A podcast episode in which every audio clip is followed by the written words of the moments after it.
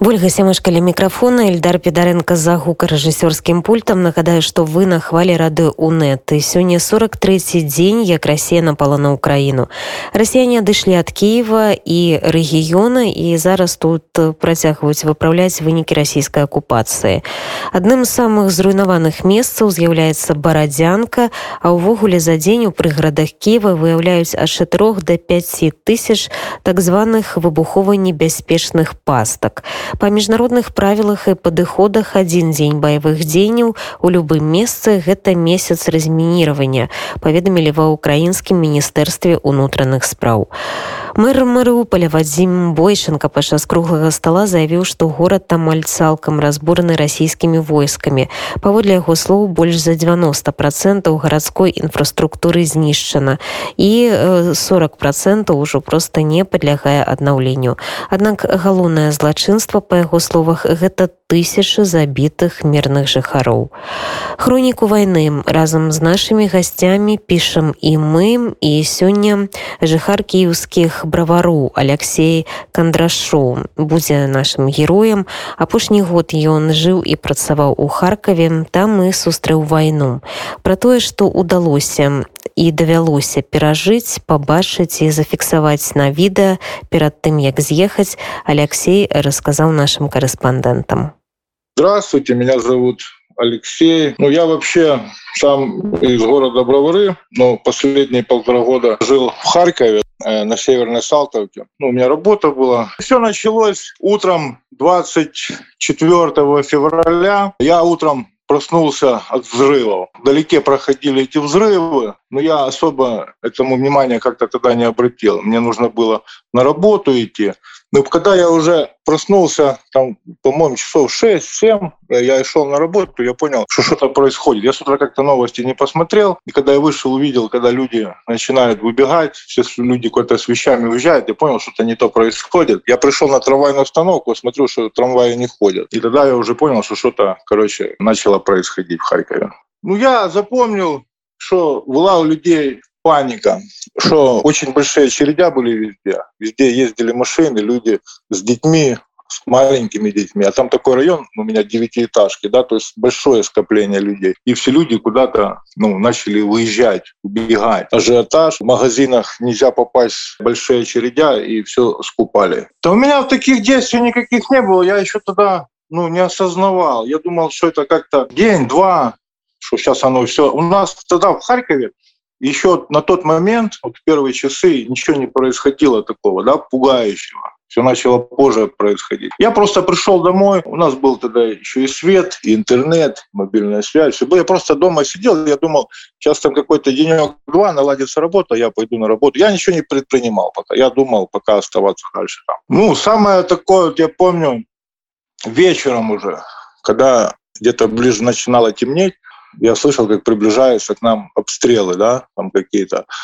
Все ближе и ближе и ближе это происходило. А вот буквально на второй день, 26 февраля, у меня, там, у меня есть видео где-то, я вам сброшу. Когда начинал, я заснул, где-то там часов 7, по-моему, вечера. И проснулся от того, что нас начали обстреливать с минометов прямо дома наши. И меня начали вылетать стекла в темноте. Света, по-моему, уже не было тогда. Короче, начали вылетать стекла, э, начали вот эти вот... Короче, страшно начало становиться. Я смотрел, я успел выбежать на кухню. Прям в кухню залетали мне стекла, и в стенах дыры, короче. И вот эти вот, короче, взрывы, вспышки.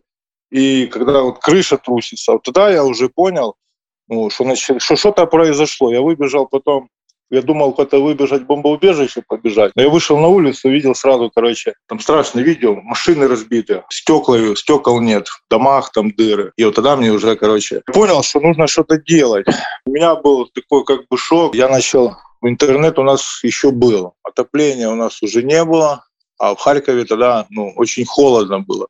Я как-то там забаррикадировал свое окно, чем было у меня освещение а потому что на улице, да, ночью там до 10-15 градусов опускалось. Короче, я уже, ну, холодно мне было, одними словами. И когда я выходил, уже там смотрел э, видео всякие, я понял, что Харьков ну, очень сильно страдает. Вот это как градами сносили, северную Салтовку особенно. Выйду там, да, постоянно что-то горит, люди забегают в бомбоубежище. Ну, не бомбоубежище, это нельзя назвать бомбоубежищем. Это ну, девяти дома, девятиэтажках, сбоку там так, ну, как спуски в, погреба, не погреба, как они, там, где отопление, вот это, туда люди прятались. Потом я видел, как там девятиэтажки разбомблены, и нам там говорили, да, обещали, что лучше туда не прятаться, потому что людей из-под завалов невозможно достать потом. Ну, так происходило все хуже, хуже и хуже становилось. Каждый день были обстрелы, перестали работать магазины. Не, первые дни еще работали там. Я там где-то, по-моему, я неделю еще мне некуда было просто одеваться, я не мог. Но выехать, я понимал, что на вокзалах никто это едет, да, там и так куча людей, особенно там женщин с детьми, что я не залезу просто. Тут поезд и другие, это ухо болело, но не то, что контузило, короче, у меня ну, как, как звон такой был в ушах из-за того, что вот это вот, после вот этого обстрела нашего дома. На второй день на втором этаже я поднялся, увидел, как крыша разбомблена у нас, тоже там видео есть. Потом, короче, дома эти соседние. Потом я выходил, я буквально вышел, там прошел, иду назад.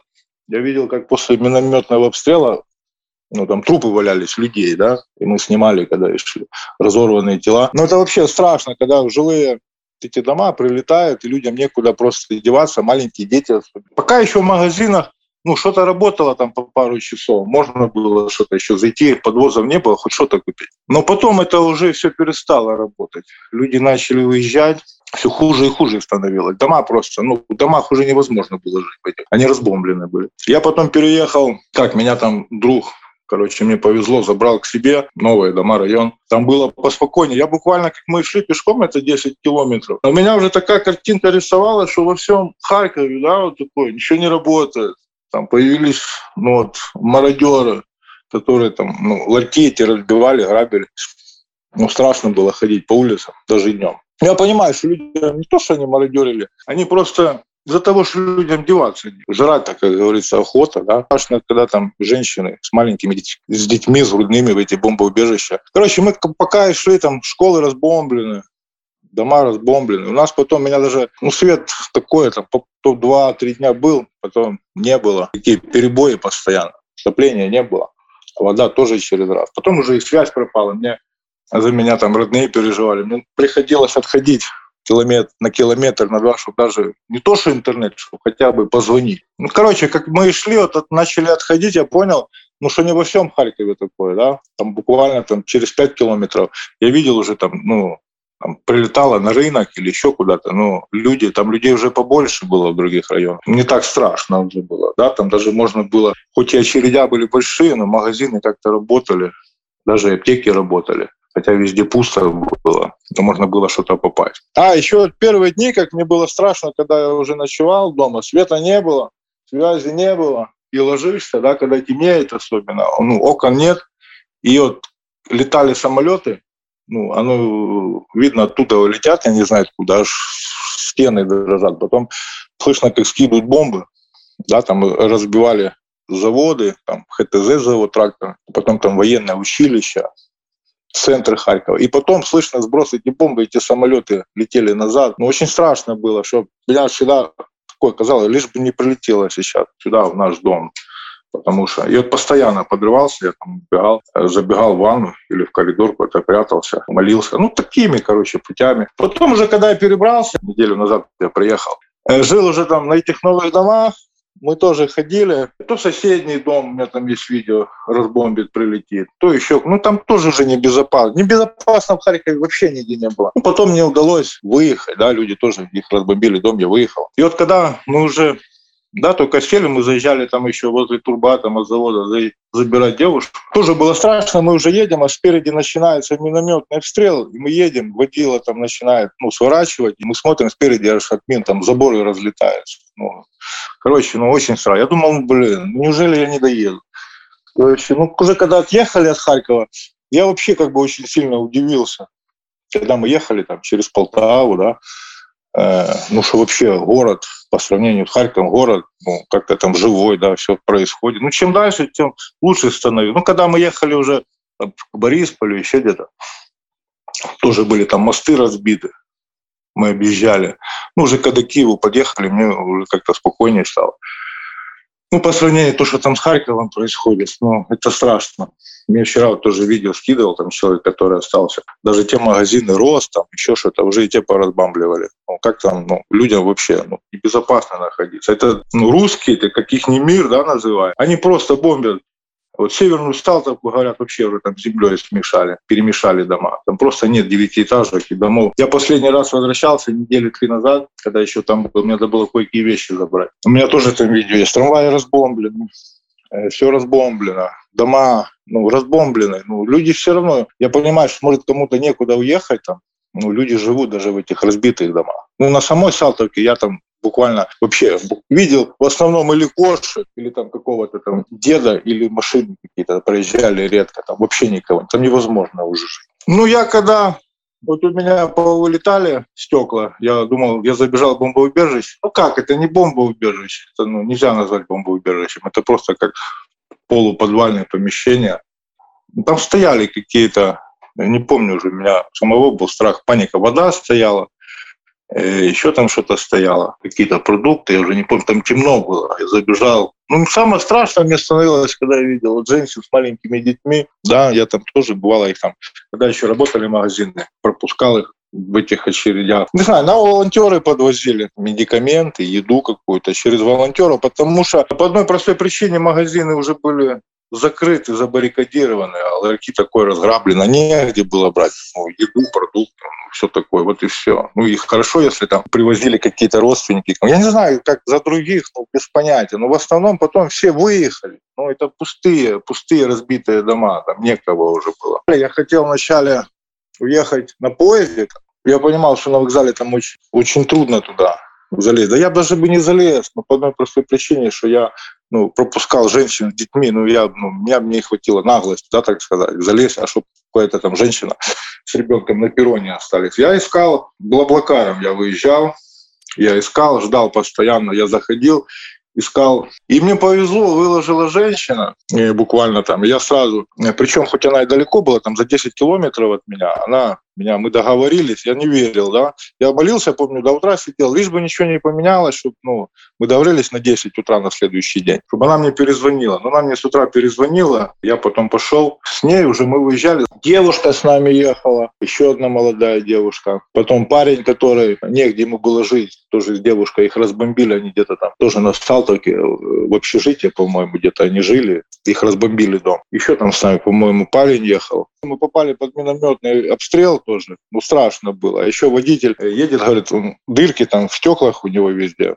Говорит, это там вчера, вчера тоже людей вывозил. Уже когда выезжали, ну, очень много блокпостов, да, на блокпостах проверяли документы, смотрели машину нашу. Потом, ну, вот по дороге тоже мы ехали, тоже есть видео, разбомбленный один мост. Потом мы объезжали еще дорогами какими-то по дороге там тоже куча техники сожженной. Ну, так вот и выехали. Уже когда в Киев доехал, меня уже забрали. Я не знаю, как люди там выбираются. Ну, волонтеры, я знаю, очень много вывозят в интернете, читал, волонтеры. Особенно первые дни мне было тяжело, ну, в плане того, что мне снилось. Я не мог поверить, я сюда приехал, тут вот, тихо, спокойно. Я шел тут целые все дома. Ну, хоть тоже много людей выехало, но все равно тут работают магазины, там все работает. Я вот засыпал, мне постоянно снилось ну, вот этот обстрел, когда дома ну, с минометов прилетало. Просыпался, подбегал как ну первые дни. Но мне казалось, ну, на такой, на паранойю, что что-то сейчас, вот, вот сейчас должно что-то прилететь, да, что что-то в темноте, что днем нормально, в темноте нормально. Сейчас прихожу в себя, вроде бы никому не обращался, пока нормально, вот так вот. Алексей Кандрашоў быў на нашай хвалі са сваёй гісторыяй пра эвакуацыю з Харкава. Гэтую гісторыю, як і многія іншыя, шукайце ў нашых сацыяльных сетках, прадстаўлены мы ў фейсбуку, нстаграме і тэлеграме. Нагадаю, што хроніку вайны мы пішам разам з радыё УНэт.